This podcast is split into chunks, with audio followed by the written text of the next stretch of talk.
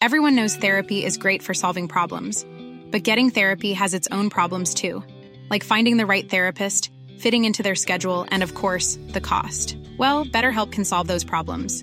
It's totally online and built around your schedule. It's surprisingly affordable too. Connect with a credentialed therapist by phone, video, or online chat, all from the comfort of your home. Visit betterhelp.com to learn more and save 10% on your first month. That's BetterHelp H E L P. There's never been a faster or easier way to start your weight loss journey than with PlushCare. PlushCare accepts most insurance plans and gives you online access to board-certified physicians who can prescribe FDA-approved weight loss medications like Wigovi and Zepbound for those who qualify. Take charge of your health and speak with a board-certified physician about a weight loss plan that's right for you. Get started today at plushcare.com slash weight loss. That's plushcare.com slash weight loss. plushcare.com slash weight loss. Hey, it's Paige DeSorbo from Giggly Squad. High quality fashion without the price tag. Say hello to Quince.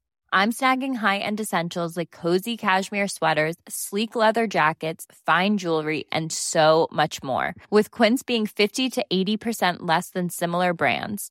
And they partner with factories that prioritize safe, ethical, and responsible manufacturing. I love that. Luxury quality within reach. Go to quince.com slash style to get free shipping and 365 day returns on your next order. Quince.com slash style.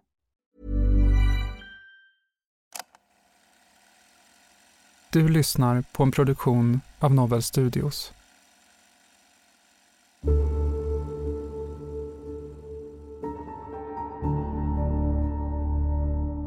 Ja, när vi ser det här rent objektivt. Mm, han sitter i en fåtölj. Han blir skjuten i bakhuvudet och avlider. Då tänker ju vi mord. Ja, Att det är någon som har gjort någonting uppsåtligen. De säger att det hörs ljud, det luktar illa. Det rinner ner saker från, från din balkong till balkongen under. Ja, dunsar och det väsnas. Och. Vad är du rädd för? Vad är det värsta som kan hända? Jag är mer... Jag menar nu och här, alltså det, det värsta som kan hända det är väl att jag åker in på livstid. Det är naturligtvis det värsta. Jag känner inte dig. Jag dömer inte dig som person. Jag är bara här för att ta reda på hur det här har kunnat hända. Så jag tar den där, går förbi honom. Samtidigt tänker jag, dumma jävel. men men, men jag, ja, jag, jag måttar slag mot huvudet på honom. Det är ungefär som om man blir helt förbannad och bara slår näven i bordet. Det här är Förhörsrummet. I den här serien, som består av fyra delar, hör vi polisförhör från fallet med politikern och styckmordet. Du lyssnar på den fjärde och sista delen.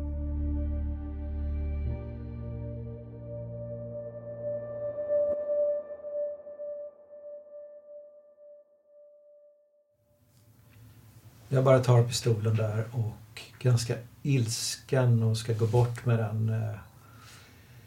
Men det blixtrar liksom lite i huvudet så jag gör en sån här rörelse där och jag går eh, passerar honom där borta ungefär så att eh, alltså klipper till honom i huvudet med den pistolen och där går det av ett skott. Ja, och där blev jag stående då, liksom helt... Eh, hur i helvete gick det här till? Tänker jag. Vad fan är det frågan om? För det är ju så, den pistolen ska ju vara oladdad. Det, det är ingenting som jag förvarar lattat och här gick den av eh, direkt alltså. Det, jag har inte gjort någonting. Jag, jag har inte gjort någon mantelrörelse eller någonting sånt. Jag vill bara få bort den här. Men jag har aldrig berättat för någon om den här pistolens existens överhuvudtaget. Så liksom, det som jag tänker, vad fan, han, jag, jag, jag hinner inte tänka så mycket men, men jag, jag såg där och tänkte, vad fan har han rotat runt och hittat den där? Liksom, det ska ju bara bort. Ja, hur som helst. Det gick ju av ett skott där, rakt i huvudet på honom och jag... Jag hamnade i chock naturligtvis. Men, men det, det gick inte så fort. Jag blir stående där. jag bara pratar för mig själv eller jag tänker gång på gång. Vad i helvete helt enkelt. Vad fan. I fem månaders tid har Anders Eberhardt nekat till inblandning i Kennets död. Efter att mer och mer bevisning lagts fram mot honom berättar han till slut sin version av vad som egentligen hänt. Han berättar att han varit ute i garaget för att leta efter de borttappade bilnycklarna. De som polisen hittar synliga i hans lägenhet. Och att Kenneth sitter i vardagsrummet när han kommer tillbaka. På vardagsrumsbordet ligger en laddad pistol. En pistol som ingen ska veta om att Anders äger. Anders tar pistolen och ett skott går av. Förhör med Anders den 29 april 2022.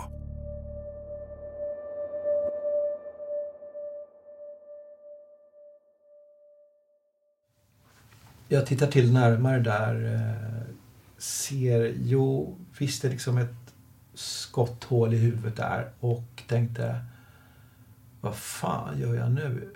Ja, han är väl död. Och sen ja, kom väl någon tanke, vad gör jag nu liksom? Han är ju död uppenbarligen, så det är ingen idé. Jag ringer inte 112.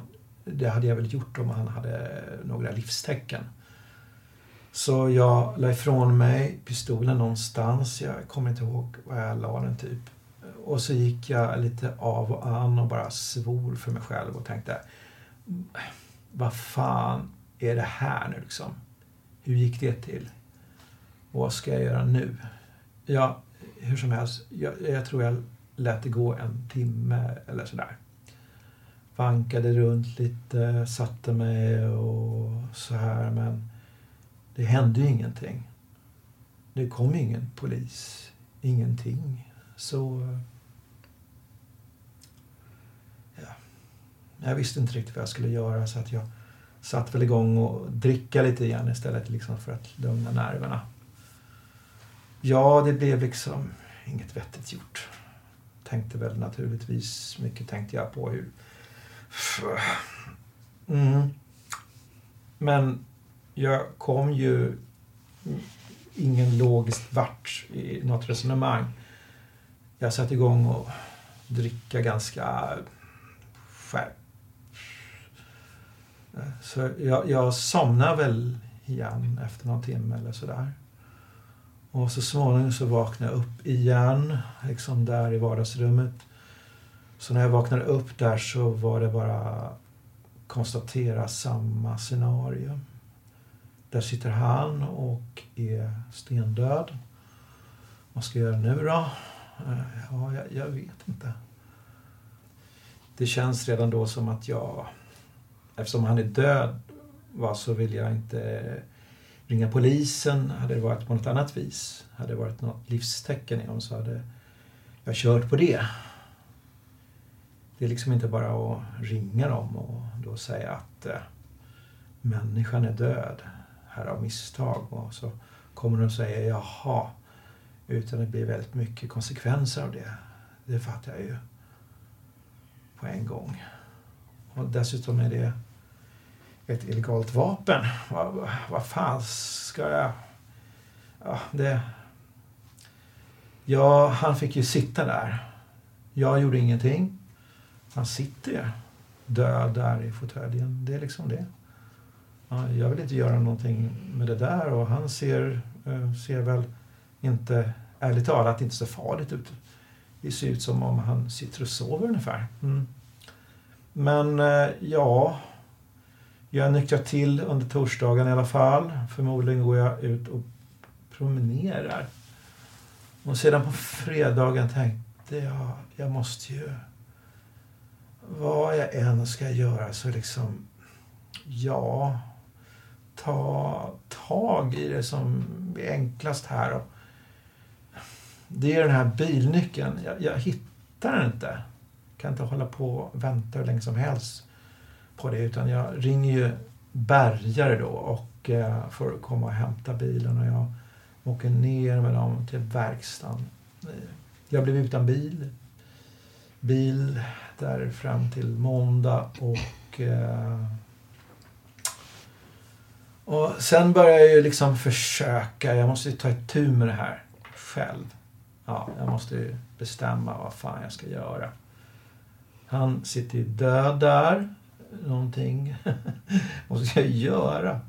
Ja, antingen liksom... Mm, antingen ringer jag polisen och säger som det är eller så måste jag hitta på någonting för att komma undan med det här. Och jag liksom...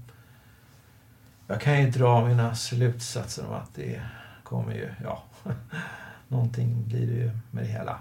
Det är ju svårt att undgå fängelse. Jag vill liksom inte i fängelse och, och än mer. Det blir liksom jobbet. Det kommer det här olaga vapnet, en död människa. Jag kommer bli av med jobbet och garanterat kommer jag bli av med mitt politiska uppdrag också. Så jag... Eh, ja, nu har jag suttit här ett tag och ja, jag... Eh, jag eh, bestämmer mig för att jag måste försöka komma undan med det här helt enkelt.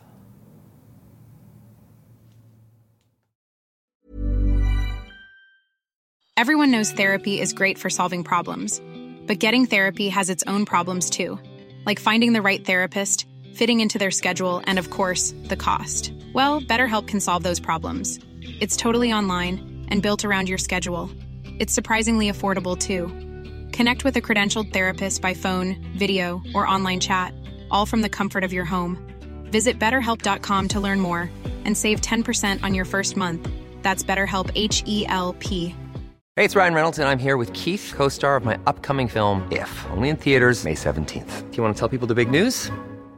All right, I'll do it. Sign up now and you'll get unlimited for $15 a month in six months of Paramount Plus Essential Plan on us. Mintmobile.com slash switch. Upfront payment of $45 equivalent to $15 per month. Unlimited over 40 gigabytes per month. Face lower speeds. Videos at 480p. Active Mint customers by 531.24 get six months of Paramount Plus Essential Plan. Auto renews after six months. Offer ends May 31st, 2024. Separate Paramount Plus registration required. Terms and conditions apply if rated PG.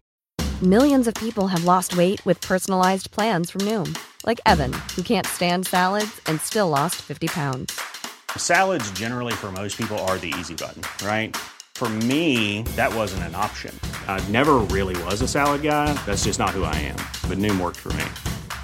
Get your personalized plan today at Noom.com. Real Noom user compensated to provide their story.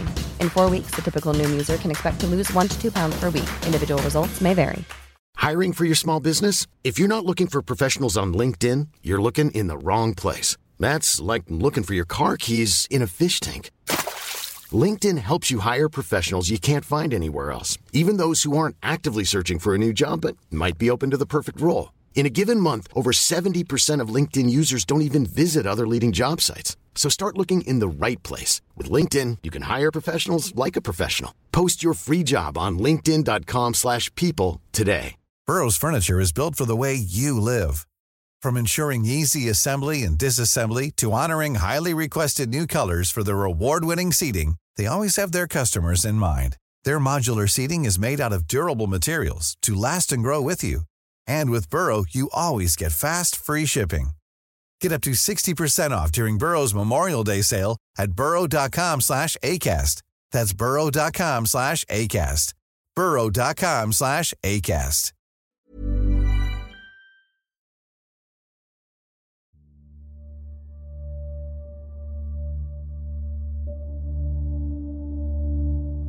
En intressant fråga är ju om det finns någon gemensam nämnare eh, för de som begår de här eh, styckmorden.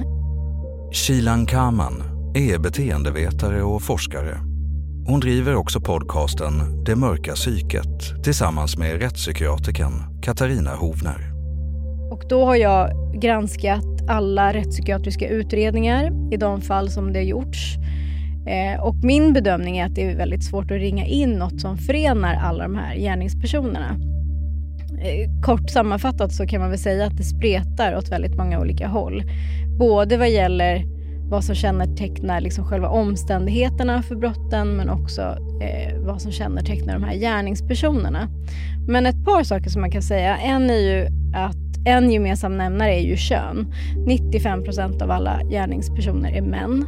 Sen kan man också konstatera att det är relativt ovanligt att de här gärningspersonerna lider av en allvarlig psykisk störning i lagens mening eh, och därmed döms till rättspsykiatrisk vård. Det är relativt ovanligt.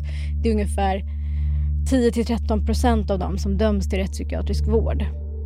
Sen vad gäller andra kännetecken så kan vi se, vi såg också att eh, av de som genomgick en rättspsykiatrisk utredning så var ungefär hälften av dem som faktiskt hade fått en eh, personlighetsstörningsdiagnos, numera kallat för personlighetssyndrom.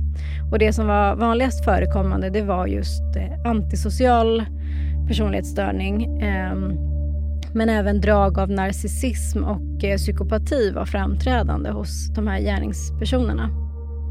Sen så tittade vi också förstås på i vilken grad de här gärningspersonerna var påverkade av all, antingen alkohol eller droger vid själva gärningstillfället.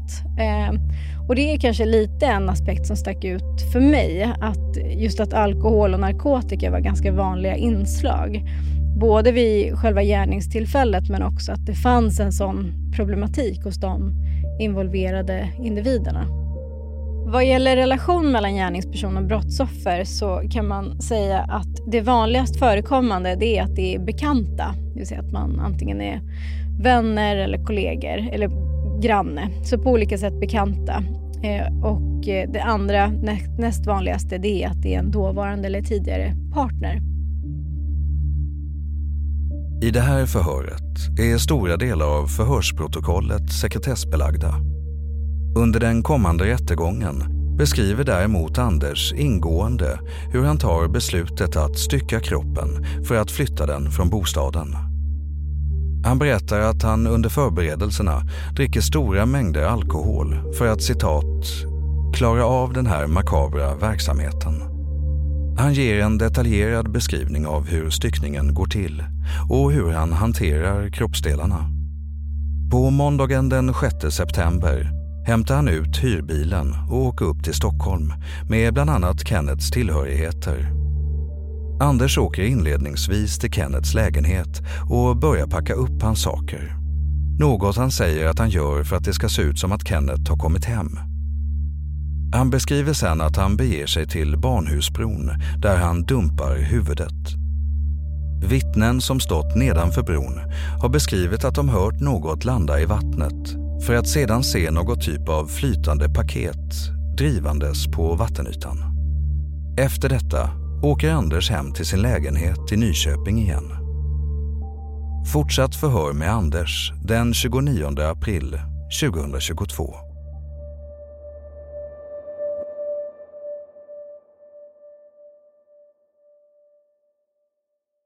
Det här vapnet?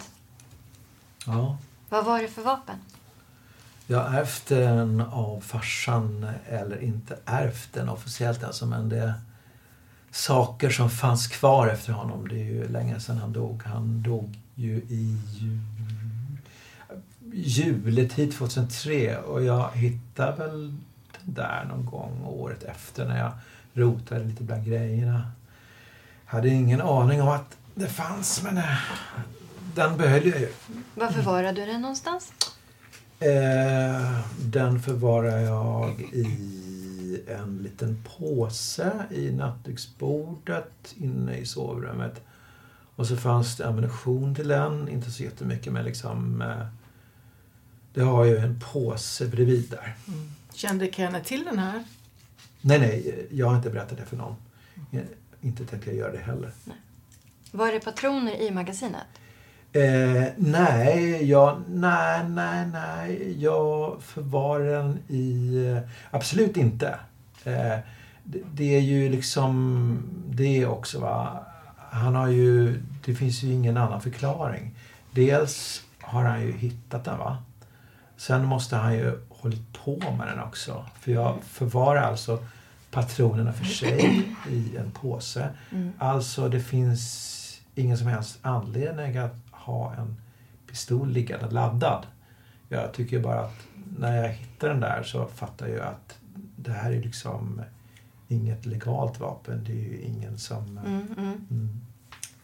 Eh, men jag tänkte det var ju bra att ha, men vet aldrig. Bara bra att ha, behålla den. Men liksom, jag är inte, det, det finns ingen anledning så idiotiskt att bevara den laddad. Det, det är om man skulle vara utsatt för något. Ja, om man har liksom någon hotbild mot sig måste jag ha den. Men på det viset är det ju inte. Var finns den här? Var, var finns... Eh... Ja, den ligger, den ligger på Norra strand eller allra längst bort om man kommer från polishuset om man säger så. Allra längst bort mot stadshuset. Om man går ut vid vattnet. Eh, där har jag slängt ut den. Och det var ju något av det eh, jag kommer inte ihåg. Det kan ju ha... Pistolen behöll jag ganska länge. Den eh, har jag gjort av med sista oktober. Så. Och ammunitionen? Ja, det, det, finns det nog faktiskt två, två, tror jag, två skott i magasinet. Eh, du berättade ju att du har dödat Kenneth. Mm. Men enligt dig så... Eh, så... Helt oavsiktligt. Alltså det är helt oavsiktligt. Mm. Mm. Eh, men att du har ett vapen som du vet att du inte har licens på. Att du inte får ha det, det det berättar du också. Ja, det är korrekt. Det är uh, korrekt. Mm. Ja. Mm. Har du några frågor nu? Ja, eh, jag tänker... Du börjar beskriva vardagsrummet där när mm. han sitter i fåtöljen och du går mm. förbi. Mm. Och du var lite irriterad sa du. Ja, jag var ganska irriterad faktiskt. Ja. Kan du berätta mer om det?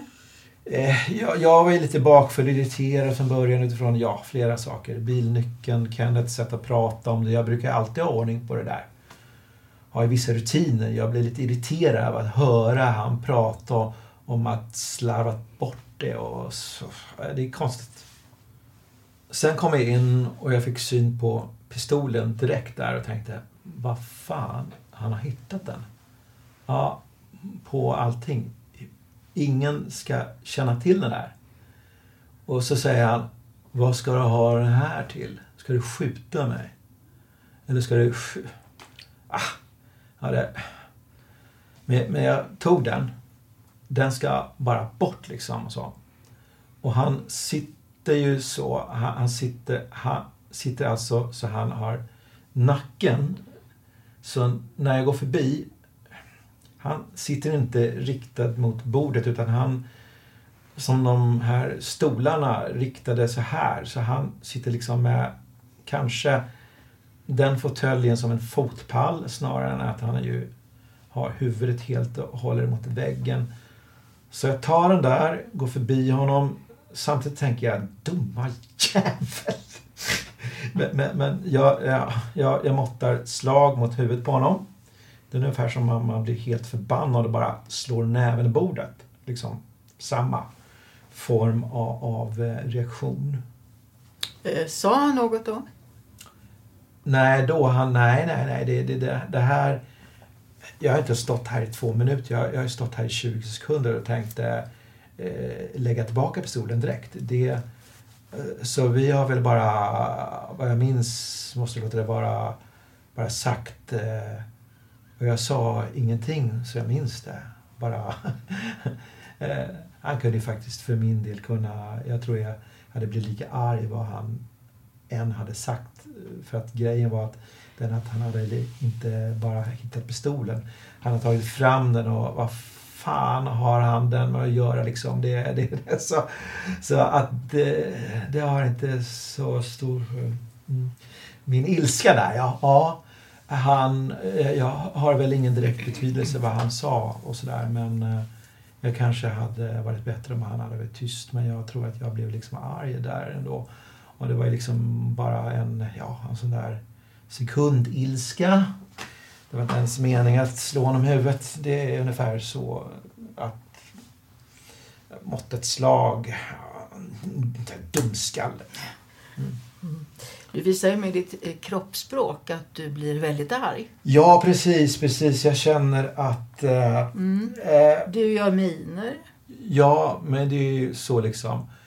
Det är några så här sekund extra ilska som man...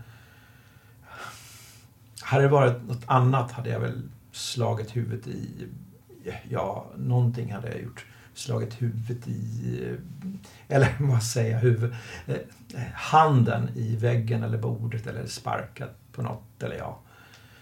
Jag kände, men då som sagt uppenbarligen eh, så ska man ju, måste jag ju haft eh, det var ju inte bara, jag måste ha haft in fingret på avtryckaren på något vis ändå.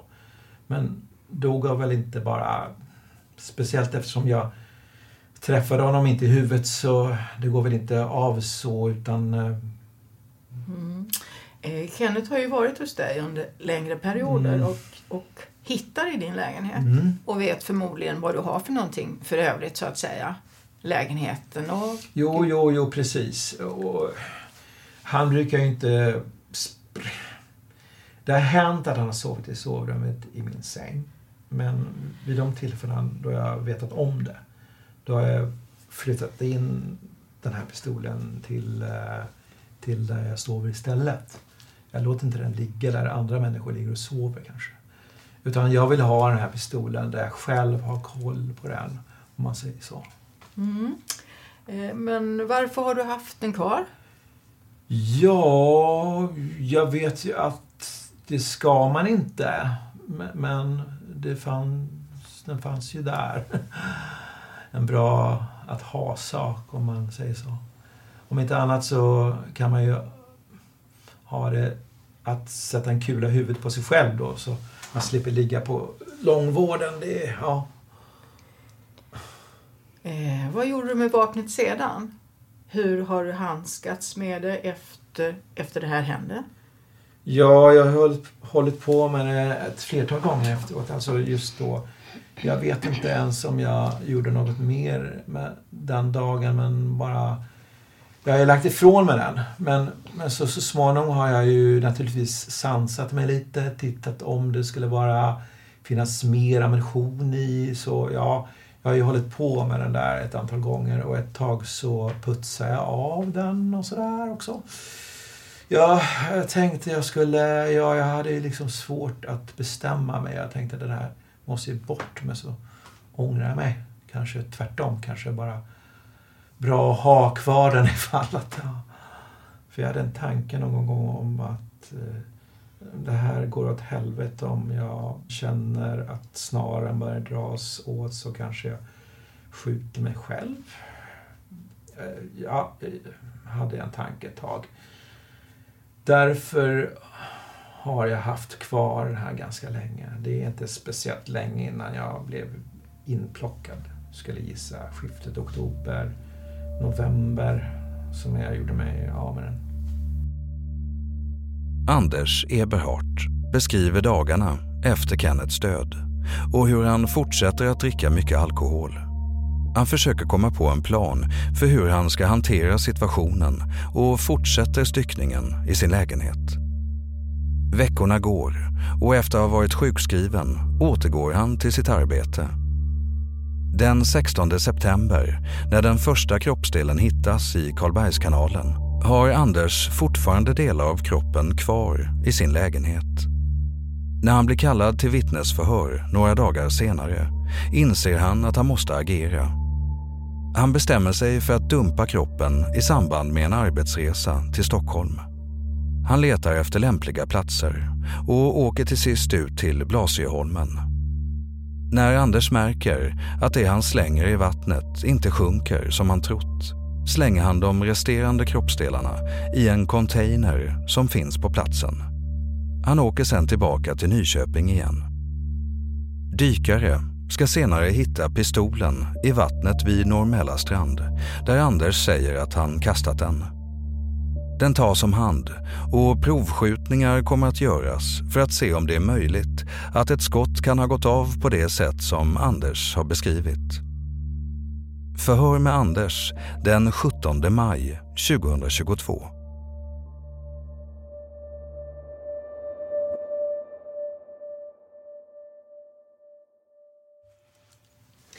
Ja, vi har ju pratat tidigare om din bakgrund när det gäller vapen och så. Att du, ja. Mm. ja, du har ju varit med i Hemvärnet. Mm. Mm. Och du hade väl någon ambition eller dröm om att få göra värnplikten och så? Mm. Du är ju utbildad på hantering av vapen. Mm. Och sen säger du att du har den i nattduksbordet. Att Ja. så, så fort det är någon kompis då som kommer dit och ska sova över då får du hålla på och flytta runt det här vapnet. Ja, om någon ska sova i... Ja. Annars sover jag ju själv där, som jag sa då. Ja. Ja. Ja, det verkar ju väldigt opraktiskt att ha det så. Ja, det är inte så ofta. Det är ju, Kenneth kunde det ju vara. För han kunde inte sova i någon smal säng. Det är ju liksom inte... Det är ju högst någon gång om året på sin höjd. Om en annan människa ska sova i mitt sovrum, det är ju mitt... Men ja, fast nu säger du att Kenneth hittar vapnet när du är ute. Han tar fram det, han laddar patroner i magasinet och han gör mantelrörelse så att vapnet blir skarpladdat. Mm. Och det första han säger, frågar dig om du ska skjuta honom. Mm. Varför lägger man fram en laddad pistol om man är rädd för att du ska skjuta honom? Ja, det, det undrar jag också. Och sen när du blir arg där och tar vapnet, då låter han dig gå bakom honom. Ja, ja, han gör ju ingenting. Fast han vet ju att du har en skarpladdad pistol och han är orolig för att du ska skjuta honom och ändå låter han det ske. Jag vet inte om han är orolig för... Jaha. Men så arg som, så arg som du beskriver att du var, som du visar när du visar fysiskt hur du gjorde, så verkar du varit rejält arg. Jo, ja precis, men... Men det är ju så. Det är ju... Jag kan bli väldigt arg. Mm. Jag var ju irriterad från början. Och sen det där alltså, så jag kan bli väldigt arg. Men det går ju fort över också, så när... Men om det har byggts upp med lite irritation och någon fylla eller något annat fel, va, så... Ja. Men om jag förklarar hur vi tänker. Att, Mm. ja, när vi ser det här rent objektivt. Mhm. Mm, han sitter i fåtölj. Han blir skjuten i bakhuvudet och avlider. Mm. Mm. Då tänker ju vi mord. Ja, Mm. Att det är någon som har gjort någonting uppsåtligen. Mm. Men sen det du berättar nu, på vårat språk, så heter ju det att man kommer med en alternativ hypotes. Och du har ju sagt innan att det du är mest rädd för, det är att få livstid. Och eh, i och med att vi har berättat för dig att det är mord vi misstänker dig för, att det, att det är vi som kommer fram med bevisen. Du säger inte så mycket. Och sen berättar du om den här händelsen och att det är du som har vållat det här. Men du kommer Mm. ja, med den alternativa hypotesen. Att det är inte du som har tagit fram vapnet. Det är inte du som har laddat det. Det är inte du som har mantlat det. Utan du blir arg och pekar. Och råkar komma innanför varbygeln och trycka av i nacken så han dör. Mm. Det blir många omständigheter som blir konstiga. Mm, jo, jag förstår, jag, jag förstår det. Ja. Och just att Kenneth säger, hans första mening är Är det mig du ska skjuta eller dig själv? Och, och du visste ju inte om att vapnet var laddat. Nej, för jag Som du säger, eh, hade aldrig laddat det själv. Nej. då är det väl mest naturliga att man ringer 112 eftersom du inte... Alltså att om du ska verkligen visa, påvisa att det är en olyckshändelse Ja, så visste du redan från början då att det inte var laddat, eller? Ja, du visste ju inte att den var laddad, men sen när du går förbi och gör den här rörelsen med armen så Ja, visar det sig att den var det. ja. Då är väl det naturliga att man ringer 112 just för att det är en olyckshändelse. För att kunna rädda livet på din bästa vän. Är det fråga eller påstående? Påstående. Sen är ju... Eller skulle du säga någonting? Nej, jag... Nej, nej. Mm, fortsätt du. Nej, jag, jag, jag gjorde ju... Jag uppfattade honom som eh, död. Ni har ju varit vänner i över 30 år. Ja, typ. Ja, det, det... Det känns inget vidare, men det... Jag tyckte jag fick göra det ändå. Det är liksom... Eh, jag, jag... Man kan säga så här. Jag, jag vill inte, men, eh, men jag liksom inte så att det... Det får väl låta hur sjukt som helst då, men eh, inte så att det kändes som att det är en total omöjlig uppgift utan jag får väl ta mig samman då och göra det. Vi, vi påstår inte att vi tycker att det är sjukt utan Alltså återigen, rent objektivt så är det ganska rationellt utifrån den situation man har hamnat i att man hittar den lösningen. Mm. Mm, precis. Men samtidigt så är ju vi intresserade av... Så, du väntar ju några dagar innan du kommer på att det är det här du måste göra. Och när du berättar sist så, om jag minns rätt, så, eh, så pratar du om det som en uppgift som inte var så lätt. Mm. Nej. Det var inte så lätt.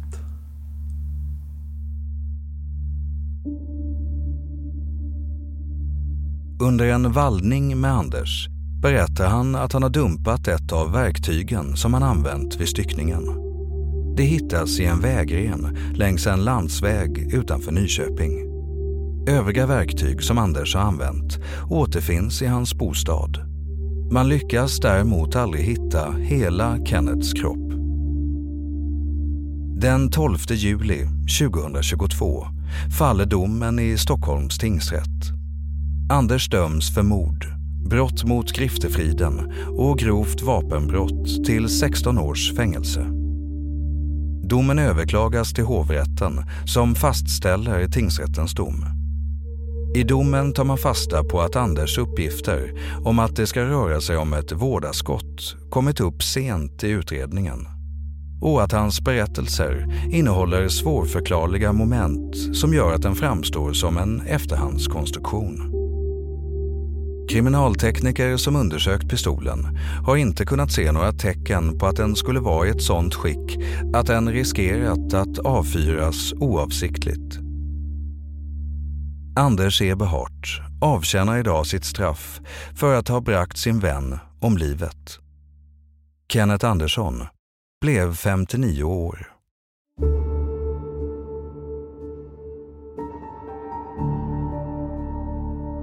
Du har lyssnat på Förhörsrummet och den sista delen om politiken och styckmordet. I rollerna har vi hört Anders Johannisson som Anders Eberhardt och Therese Svensson och Åse Nelson som förhörsledare. Vi har också hört beteendevetaren och forskaren Kilan Kaman som driver podcasten Det mörka psyket som utforskar psykologiska fenomen bakom mänskligt beteende med fokus på beteenden som kan bli farliga. Länk finns i avsnittsbeskrivningen. Förhörsrummet är en produktion av Novel Studios. Tack för att du har lyssnat.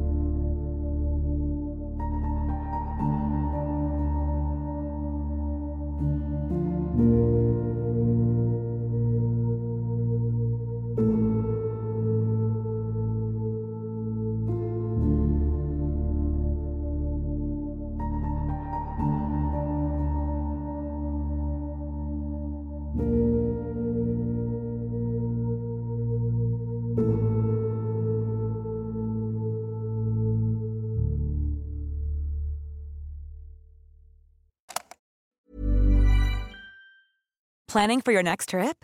Elevate your travel style with Quince. Quince has all the jet setting essentials you'll want for your next getaway, like European linen, premium luggage options, buttery soft Italian leather bags, and so much more. And is all priced at 50 to 80% less than similar brands. Plus, Quince only works with factories that use safe and ethical manufacturing practices. Pack your bags with high-quality essentials you'll be wearing for vacations to come with Quince. Go to quince.com slash pack for free shipping and 365-day returns.